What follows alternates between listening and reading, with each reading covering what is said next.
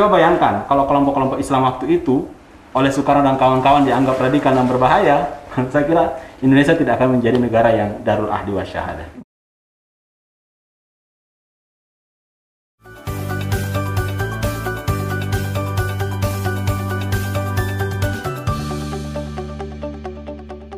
Assalamualaikum warahmatullahi wabarakatuh. Halo sobat ngalir semuanya, jumpa lagi dengan ngalir ngobrol ala IR di ngalir talk show. Dan kali ini kita kedatangan uh, seorang bintang tamu yang sangat luar biasa, ya, yaitu Bapak Dr. Hasbi Azwar yang akan membahas tentang politik Islam dalam perspektif gerakan sosial. Oke, sebelum kita berbincang-bincang dengan uh, Pak Hasbi, mungkin saya akan sedikit memberikan gambaran tentang uh, politik Islam dan juga uh, perspektif gerakan sosial. Mungkin kawan-kawan semua sudah tahu, ya, uh, beberapa fenomena yang terjadi belakangan ini. Kalau harus kita uh, lihat ya, tidak hanya yang terjadi di Indonesia misalnya, munculnya beragam gerakan sosial dan juga yang terjadi di uh, beberapa negara Islam yang lainnya. Misalnya seperti yang terjadi di Iran pada tahun 1979 dengan adanya revolusi Iran yang mana kemudian menggugah negara-negara Islam yang lain ya khususnya uh, para uh, pegiat atau aktivis gerakan sosial untuk kemudian membuat sebuah perubahan. Oke, Kali ini kita akan mendengar langsung dari Pak Hasbi tentang seperti apa sih uh, politik Islam dalam perspektif gerakan sosial. Ya, mungkin kita langsung saja. Assalamualaikum warahmatullahi wabarakatuh, Pak Hasbi. Waalaikumsalam warahmatullahi wabarakatuh, Mbak Dian. Gimana kabarnya? Alhamdulillah, sehat. Ya, oke. Okay. Uh, Pak Hasbi mungkin boleh diceritakan sedikit aktivitasnya uh, mungkin belakangan ini. Uh, belakangan ini ya alhamdulillah baru kemarin ya menerima mm -hmm. ijazah Oke, okay, alhamdulillah PhD. PhD ya. Ya, semoga Masya bisa Allah. kontribusi lebih lah gitu ya ke okay. ke kampus termasuk ke masyarakat lebih mm -hmm. luas. Terus setelah itu uh, sekarang ya kembali normal lagi mm -hmm. menjadi seorang dosen mm -hmm. Kemudian ada banyak uh, deadline lah yang sedang dikerjakan gitu, deadline uh, okay. penelitian, tulisan dan lain sebagainya. Oke. Okay. Uh, Pak Hasbi, mungkin sebelum kita membahas lebih jauh, um, saya ingin bertanya kepada Pak Hasbi, kenapa um, politik Islam dan juga gerakan sosial ini adalah isu yang penting untuk dibahas?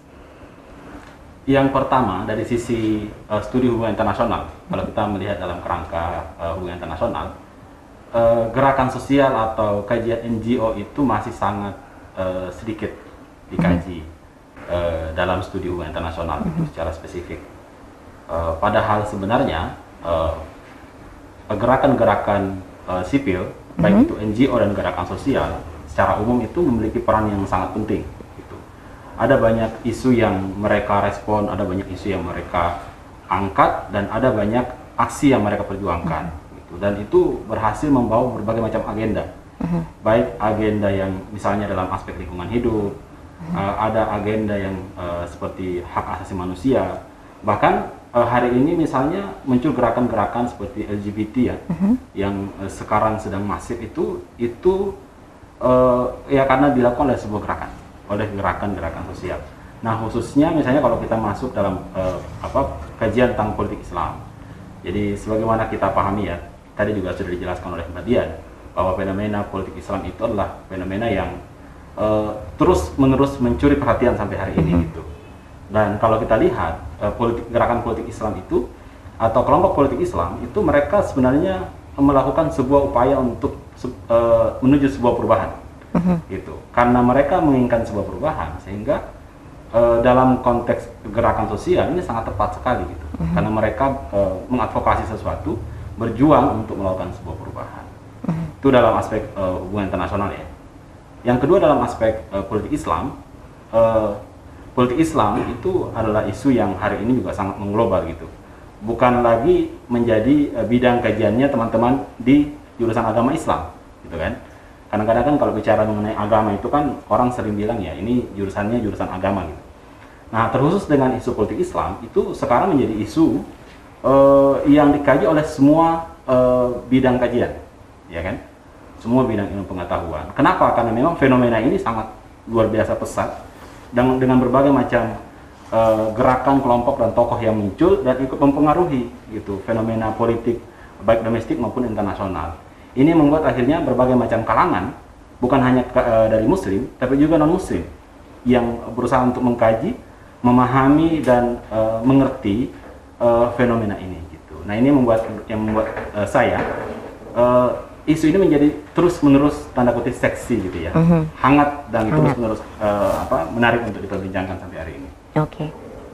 ya uh, tadi uh, Pak Hasbi sudah menyampaikan tentang ada beberapa isu atau mungkin perubahan yang kemudian di uh, disuarakan atau dipromosikan oleh gerakan-gerakan uh, sosial, gerakan-gerakan politik Islam ini.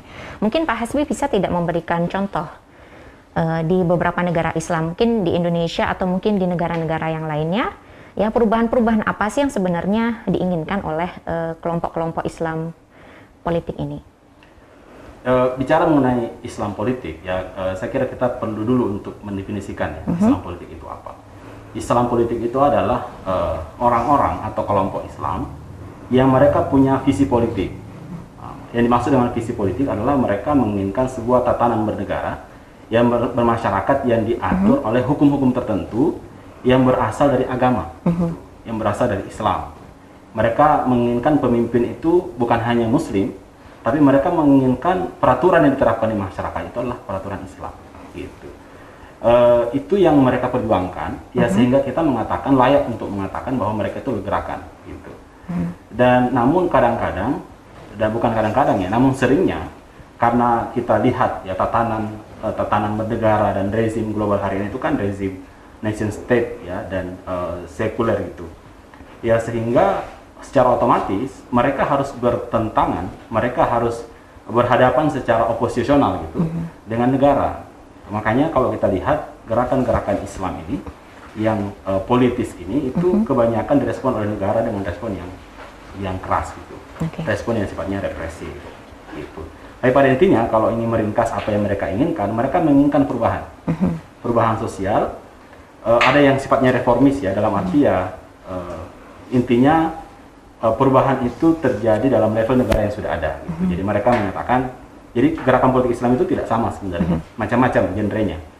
Walaupun cita-citanya sama, tapi ada yang mengatakan uh, ikut pemilu boleh, uh-huh. demokrasi dan Islam boleh misalnya, uh-huh. ham dalam Islam itu boleh gitu, atau ada gitu uh, Islam dan demokrasi bisa dikombinasikan. Uh, uh, tapi ada juga uh, me, ekst, uh, apa, uh, posisi yang lain atau kelompok yang lain mengatakan tidak. Yang kita inginkan adalah Islam yang revolusioner, gitu.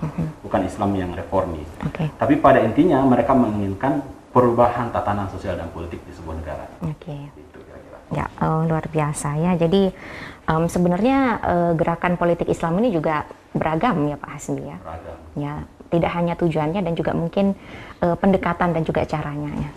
Oke, uh, mungkin pertanyaan selanjutnya.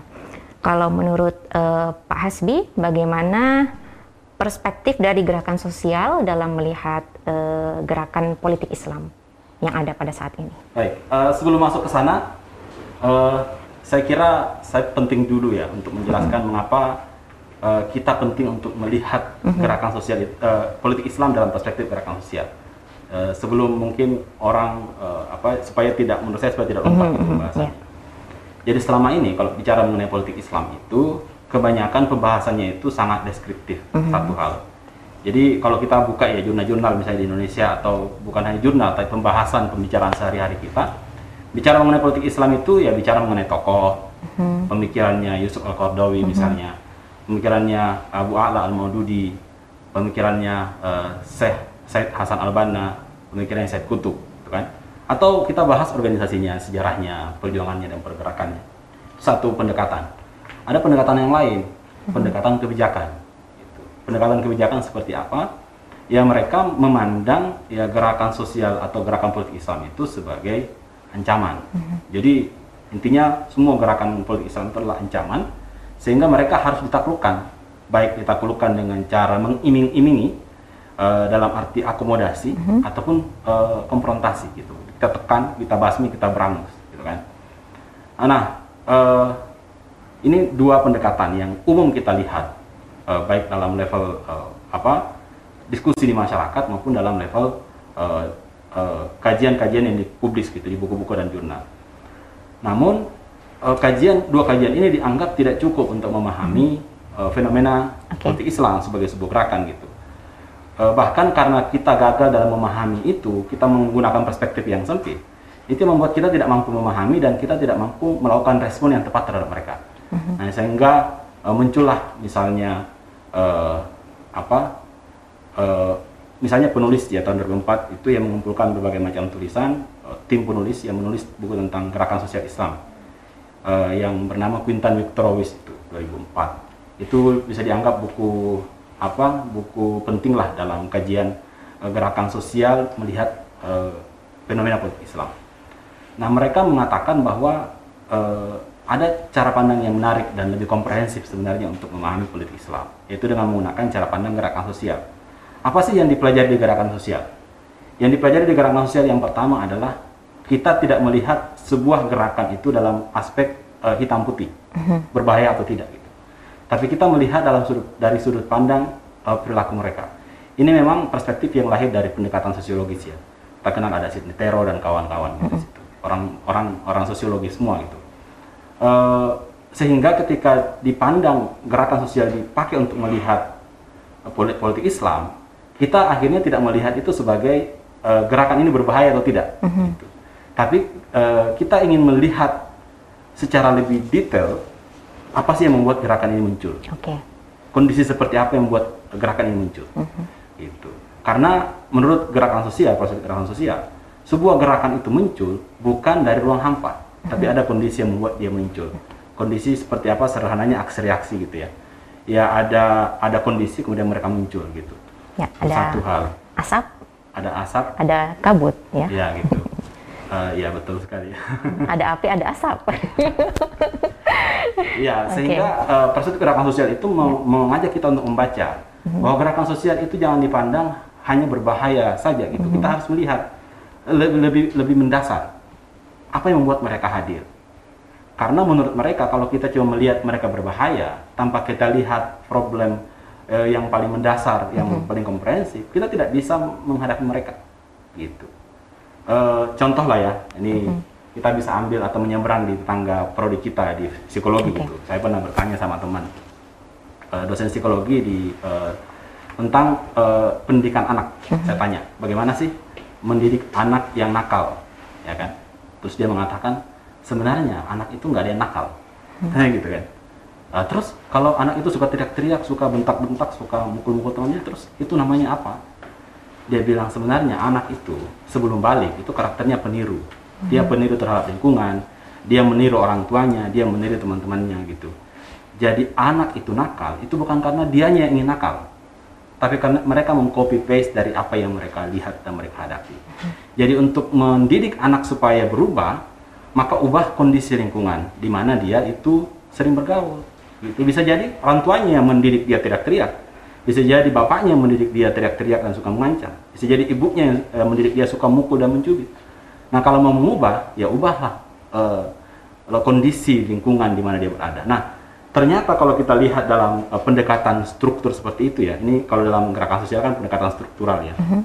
Mereka mengatakan ya jangan hanya menggebuk si aktor yang dianggap uh, politik Islam yang radikal seperti itu, tapi lihat apa yang membuat mereka bergerak. Okay. Jadi mereka bergerak karena keresahan dan kegelisahan dan itu yang harus kita address untuk menyelesaikan persoalan itu. Uh-huh. Jadi kalau mau menyelesaikan masalah, kalau eh, sekarang kan bahasa politik Islam kan sering disebut radikalisme gitu uh-huh. ya. Kalau mau menyelesaikan masalah radikalisme, lihat dulu, pahami dulu apa akar masalahnya yang membuat mereka hadir. Satu pendekatan, kita baru bicara satu pendekatan, pendekatan ya, pendekatan struktural. Belum bicara misalnya pendekatan yang lain e, dalam gerakan sosial. Bagaimana mereka memobilisasi e, massa, bagaimana mereka mendapatkan dana, bagaimana mereka mengajak uh, kelompok atau orang-orang untuk ikut berjuang bersamanya gitu.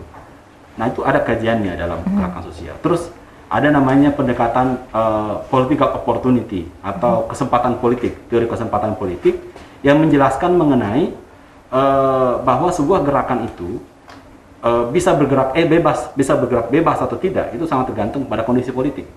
Gitu.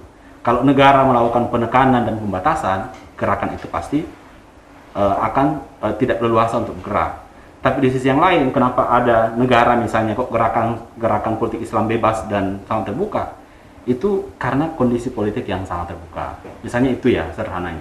Uh-huh. Terus ada juga pendekatan lain yang menjelaskan namanya framing teori. -hmm. Yang menjelaskan upaya-upaya gerakan itu untuk uh, me, apa namanya menciptakan propaganda gitu untuk menarik massa, menarik pengikut. Apa apa pesan-pesan yang mereka ingin sampaikan gitu kan? Siapa yang mereka ingin persalahkan? Bagaimana masalah itu dikonstruk oleh mereka dan sehingga membuat masyarakat dan publik itu tertarik untuk bergabung dan ikut kelompok mereka. Jadi itu eh, pendekatan gerakan sosial itu adalah pendekatan yang sangat kaya sekali.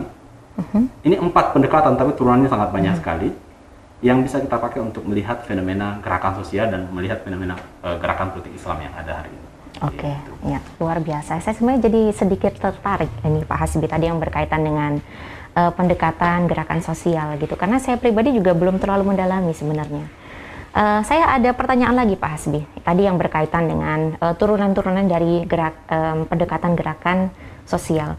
Apakah uh, pendekatan gerakan sosial ini juga mengakomodasi adanya gagasan bahwa gerakan politik Islam ini juga lahir bukan hanya merespon fenomena yang ada, tapi juga uh, values atau nilai-nilai yang diyakini. Misalnya ini bagian dari dakwah, ini bagian dari uh, misi atau mungkin uh, ibadah, ya, bagian dari menjalankan agama. Jadi agamanya tidak hanya ritual saja, tapi juga uh, untuk uh, sosial, ya, dakwah sosialnya. Apakah ada itu masuk dalam uh, ini teori framing. Oke. Okay. Di dalam teori framing itu kan ada beberapa unsur yang ada di dalamnya ya. Uh, framing itu kan isinya adalah uh, targetnya adalah mengajak orang untuk gabung dengan kita, untuk mendukung perjuangan kita. Uh-huh. Nah, bagaimana caranya? Ya kita kan berupaya untuk mempersuasi mereka. Nah, bagaimana cara mempersuasi mereka? Itu dengan memperlihatkan apa akar masalah, uh-huh. apa solusi, dan motivasi untuk mengajak okay. mereka untuk ikut terlibat. Nah, di situlah letak ideologi. Uh-huh. Gitu uh, istilahnya itu ada diagnostik uh, level ya, ada prognostik dan kemudian ada motivational level. Kalau diagnostik itu adalah upaya si gerakan tersebut untuk memotret uh, akar masalah dari sebuah uh, fenomena. Contohnya, uh, dalam kajian dalam uh, kalau kita melihat gagasan dari kelompok-kelompok atau figur-figur uh, tokoh-tokoh politik Islam, mereka sering mengangkat bahwa ya umat Islam begini ya karena umat Islam tidak menerapkan syariat Islam satu. Mhm yang kedua karena uh, dominasi Barat, sekularisme Barat terhadap umat Islam. Yang ketiga isu liberalisme, yang keempat isu demokrasi ini menjadi akar masalah semua problem umat Islam, bahkan semua problem dunia. Jadi mereka me memfokuskan kepada sesuatu yang dianggap akar masalah. Itu namanya di diagnostik elemen. Yang kedua prognostik. Nah akhirnya setelah mereka melakukan destruksi ya, uh, melakukan delegitimasi terhadap sebuah persoalan, mereka menunjuk siapa akar masalahnya, habis itu mereka menawarkan, nah kalau umat Islam mau bangkit, umat Islam mau maju, umat Islam berkembang, ya harus kembali kepada ajaran Al-Quran dan Sunnah, seperti yang Nabi pernah ajarkan dulu. Buktinya apa? Ada fakta historisnya kok di era peradaban-peradaban Islam di masa lalu, masalah kejayaan, masalah keadilan, masalah teknologi, masalah sains, masalah konsep berpikir dan seterusnya. Itu namanya prognostik. Yang ketiga adalah motivasi. Motivasi itu adalah apa? Poinnya adalah wahai umat Islam, ayo umat, eh, umat Islam sudah tahu akar masalahnya apa, solusinya apa, ayo kita bergerak karena ini adalah perintah Allah Subhanahu wa taala dan rasulnya. Itu motivasi. Uh, inti atau poin ketiga yang paling penting untuk membujuk orang untuk bergerak. Nah, ini ada di semua gerakan. Mau bicara mengenai gerakan liberal, mau gerakan Marxis, mau gerakan apa pun juga, mereka punya elemen itu. Elemen untuk me memotret akar masalah, kemudian memberikan solusi terhadap akar masalah, dan kemudian mengajak orang untuk ikut berjuang bersama. Masya Allah, eh, pemaparan yang luar biasa. Saya juga jadi tertarik ini Pak Hasbi. Tadi eh, Pak Hasbi sebenarnya sudah sedikit menyinggung bahwa eh, bagaimana negara dalam hal ini pemerintah itu semestinya merespon gerakan-gerakan politik Islam. Tapi mungkin Pak Hasbi bisa memberikan contoh ya uh, yang lebih detail, lebih konkret tentang bagaimana idealnya negara-negara ini kemudian uh, merespon atau mungkin merangkul gerakan-gerakan politik Islam atau gerakan-gerakan sosial yang berbasis Islam. Baik, uh, pertanyaannya agak sulit untuk dijawab mm -hmm. karena ini sebenarnya isu politik. Mm -hmm. Isu politik itu adalah isu pertarungan kepentingan. Okay dan bicara gerakan sosial itu adalah bicara mengenai pertarungan untuk uh, di satu sisi ingin melakukan perubahan, di sisi yang lain pro terhadap status quo, ya kan? ada kelompok yang ingin melakukan perubahan kebijakan, apalagi bicara politik Islam Oke. itu bukan hanya perubahan kebijakan ya, bahkan ada yang sampai merubah negara secara total gitu. Em, eh, dan di pihak yang lain ada negara yang eh, melihat keberadaan gerakan tersebut bergerak secara menyeluruh atau secara global.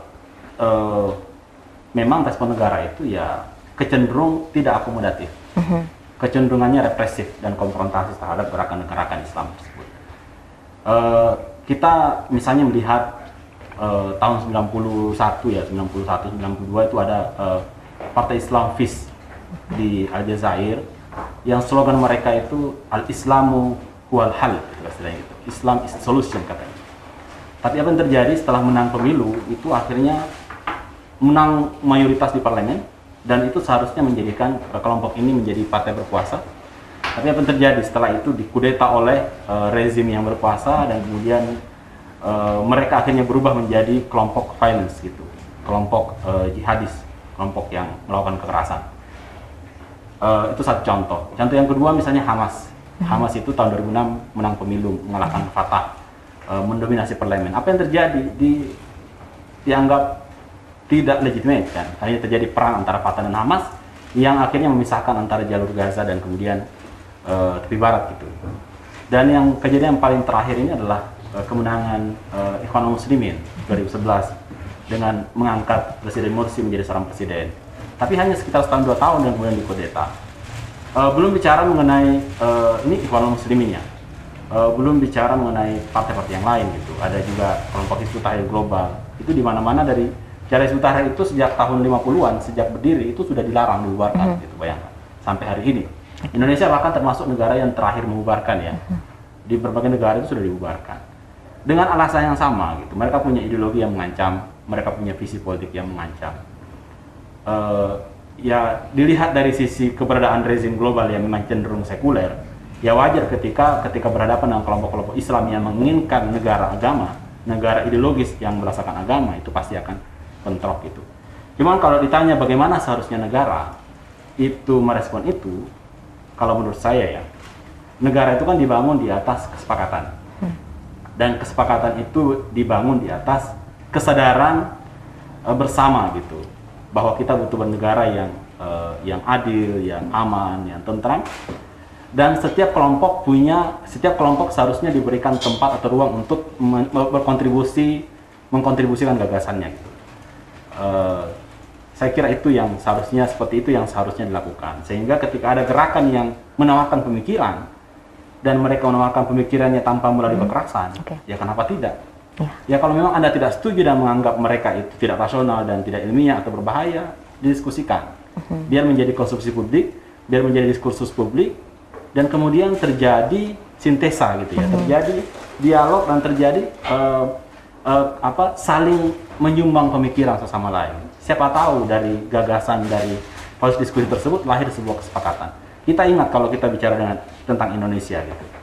Indonesia ini kan sering dikatakan sebagai negara persetujuan kan, negara eh, apa namanya? eh, kalau Muhammadiyah mengatakan darul syahadah. syahadah. ya kan negara eh, perjanjian dan persaksian. Itu perjanjian antara siapa dengan siapa? Ya, Antara kaum muslimin dengan kelompok nasionalis gitu. Kenapa terjadi perjanjian dan melahirkan negara Indonesia yang Pancasilais? yang eh, mengakomodasi agama yang besar di dalamnya itu kan ada dialog dan ada perdebatan-perdebatan yang lama, yang panjang yang terjadi di konstituante. Coba bayangkan kalau kelompok-kelompok Islam waktu itu oleh Soekarno dan kawan-kawan dianggap radikal dan berbahaya, saya kira Indonesia tidak akan menjadi negara yang darul ahdi wa syahadah. Seharusnya menurut saya ya biarkanlah gagasan-gagasan itu subur selama gagasan tersebut memang tidak mengarahkan kepada hal-hal yang sifatnya kriminal. Apalagi lahir dari kelompok-kelompok Islam yang saya kira bicara mengenai Islam itu eh, sumbernya terbuka luas gitu. Eh, bahwa kalau mereka punya pemikiran yang menyimpang, ada banyak tokoh ulama, ada banyak kita punya MUI yang bisa menyaring itu bahwa ini kelompok yang tidak sesuai dengan Islam. Tapi kalau dalam jalur yang benar dan kemudian menawarkan gagasan-gagasan alternatif, ya kenapa tidak? Jadi, jadi bisa dikatakan bahwa dialog itu kunci. Iya, Iya. Mas Asbi. Ya. Oke. Eh, pertanyaan terakhir untuk eh, eh, Pak Hasbi. Eh, tadi kan sudah eh, Pak Hasbi eh, singgung ya bahwa eh, apa namanya pemerintah ini sering kali menyikapi ini uh, dengan uh, melabel misalnya bahwa ini adalah gerakan yang radikal, represif dan lain sebagainya. Ya, dan sering kali uh, kita yang ada di sini ya sebagai publik itu terombang-ambing ya. Karena kita bingung ini yang mana yang benar, yang mana yang salah ya karena yang diberitakan di media terutama media mainstream juga rata-rata uh, ya seperti itu gitu. Kalau menurut Pak Hasbi, bagaimana semestinya uh, publik itu merespon uh, adanya gerakan politik Islam? Baik, kalau publik kita minta merespon ya agak susah ya, karena mhm. -huh. publik itu kan tidak semua punya level pemikiran yang sama. Okay. Malah menurut saya ini tugas dari elemen-elemen masyarakat yang bisa mengedukasi. Seperti acara hari ini, mhm. -huh. ngalir itu saya adalah okay. forum edukasi yang bisa yeah. dipakai untuk memberikan gagasan-gagasan yang mhm. segar uh -huh. gitu kepada masyarakat. Termasuk di uh, menurut saya ya kalau kita pakai perspektif diplomasi ya, uh-huh. diplomasi itu kan ada ada pendekatan multi track diplomasi. Ini adalah pendekatan yang dipakai dalam konflik itu. Uh-huh. Bahwa ketika terjadi konflik, maka semua kalangan harus terlibat untuk menciptakan suasana yang kondusif yang mengarah kepada uh, peaceful condition atau kondisi yang lebih damai gitu. Jangan memprovokasi, uh-huh. jangan melakukan ikut-ikutan. Ada apa-apa yang radikal, ada ini radikal, ya kan? Itu menurut saya malah semakin buruk. Nah, masalahnya yang bermain hari ini itu adalah orang-orang tokoh-tokoh kelompok-kelompok yang seharusnya bisa dianggap bisa diminta untuk mengayomi dan menenangkan suasana gitu. Apalagi sekarang memang berat ya karena ada mm-hmm. media sosial uh, ada yang tidak bisa terkontrol gitu. Tapi saya kira seharusnya negara punya mekanisme untuk bisa mengontrol itu. Jadi ya uh, seharusnya memang uh, seperti media kemudian partai politik ormas kelompok-kelompok termasuk kalangan akademisi itu yang harusnya menjadi pemain terdepan untuk mengkondisikan masyarakat itu lebih terdidik, lebih cerdas begitu. Dengan gagasan-gagasan yang lebih uh, lebih segar, yang lebih objektif pada masyarakat, bukan mm-hmm. ikut-ikutan terlibat malah dalam mengkompor-kompori atau menciptakan keresahan di masyarakat. Gitu. Oke, okay. ya uh, ini luar biasa sekali ya. Jadi semestinya kita uh, melihat ini dengan lebih bijak lagi ya Pak Hasbi. Jangan mudah terkompori, jangan mudah ikut arus. Ya. Oke, mungkin sebelum kita tutup, uh, bisakah uh, Pak Hasbi memberikan satu closing statement untuk pemirsa ngalir? Uh, karena ini temanya tentang politik Islam ya. -huh. jadi uh, dan sangat jarang sekali yang mengkaji ini. -huh. maka saya uh, saya sangat menyarankan pada teman-teman sekalian, pada para pemirsa sekalian untuk uh, kalau melihat fenomena politik Islam itu coba lihat dalam berbagai macam spektrum gitu.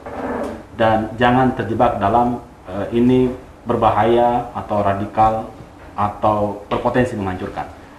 Uh, karena ketika kita menggunakan sudut pandang itu, itu malah membuat berbagai gagasan lain yang lebih segar, yang lebih produktif, lebih progresif itu mungkin menjadi tertutup gitu. Nah, kajian gerakan sosial, pendekatan gerakan sosial adalah pendekatan yang menurut saya sangat luar biasa, sangat mampu untuk memberikan alternatif yang uh, tepat sehingga menghasilkan respon yang tetap tepat untuk melihat fenomena gerakan politik Islam. Demikian uh, para hadirin sekalian, demikian Mbak Dia. Assalamualaikum warahmatullahi wabarakatuh. Waalaikumsalam warahmatullahi wabarakatuh. Demikian pemirsa ngalir semua di mana pun Anda berada, itu tadi uh, pemaparan yang sangat luar biasa dari narasumber kita, Bapak Hasbi tentang politik Islam dalam perspektif gerakan sosial. Oke, kita cukupkan sampai di sini. Sampai jumpa di ngalir episode berikutnya. Kita akhiri. Wassalamualaikum warahmatullahi wabarakatuh.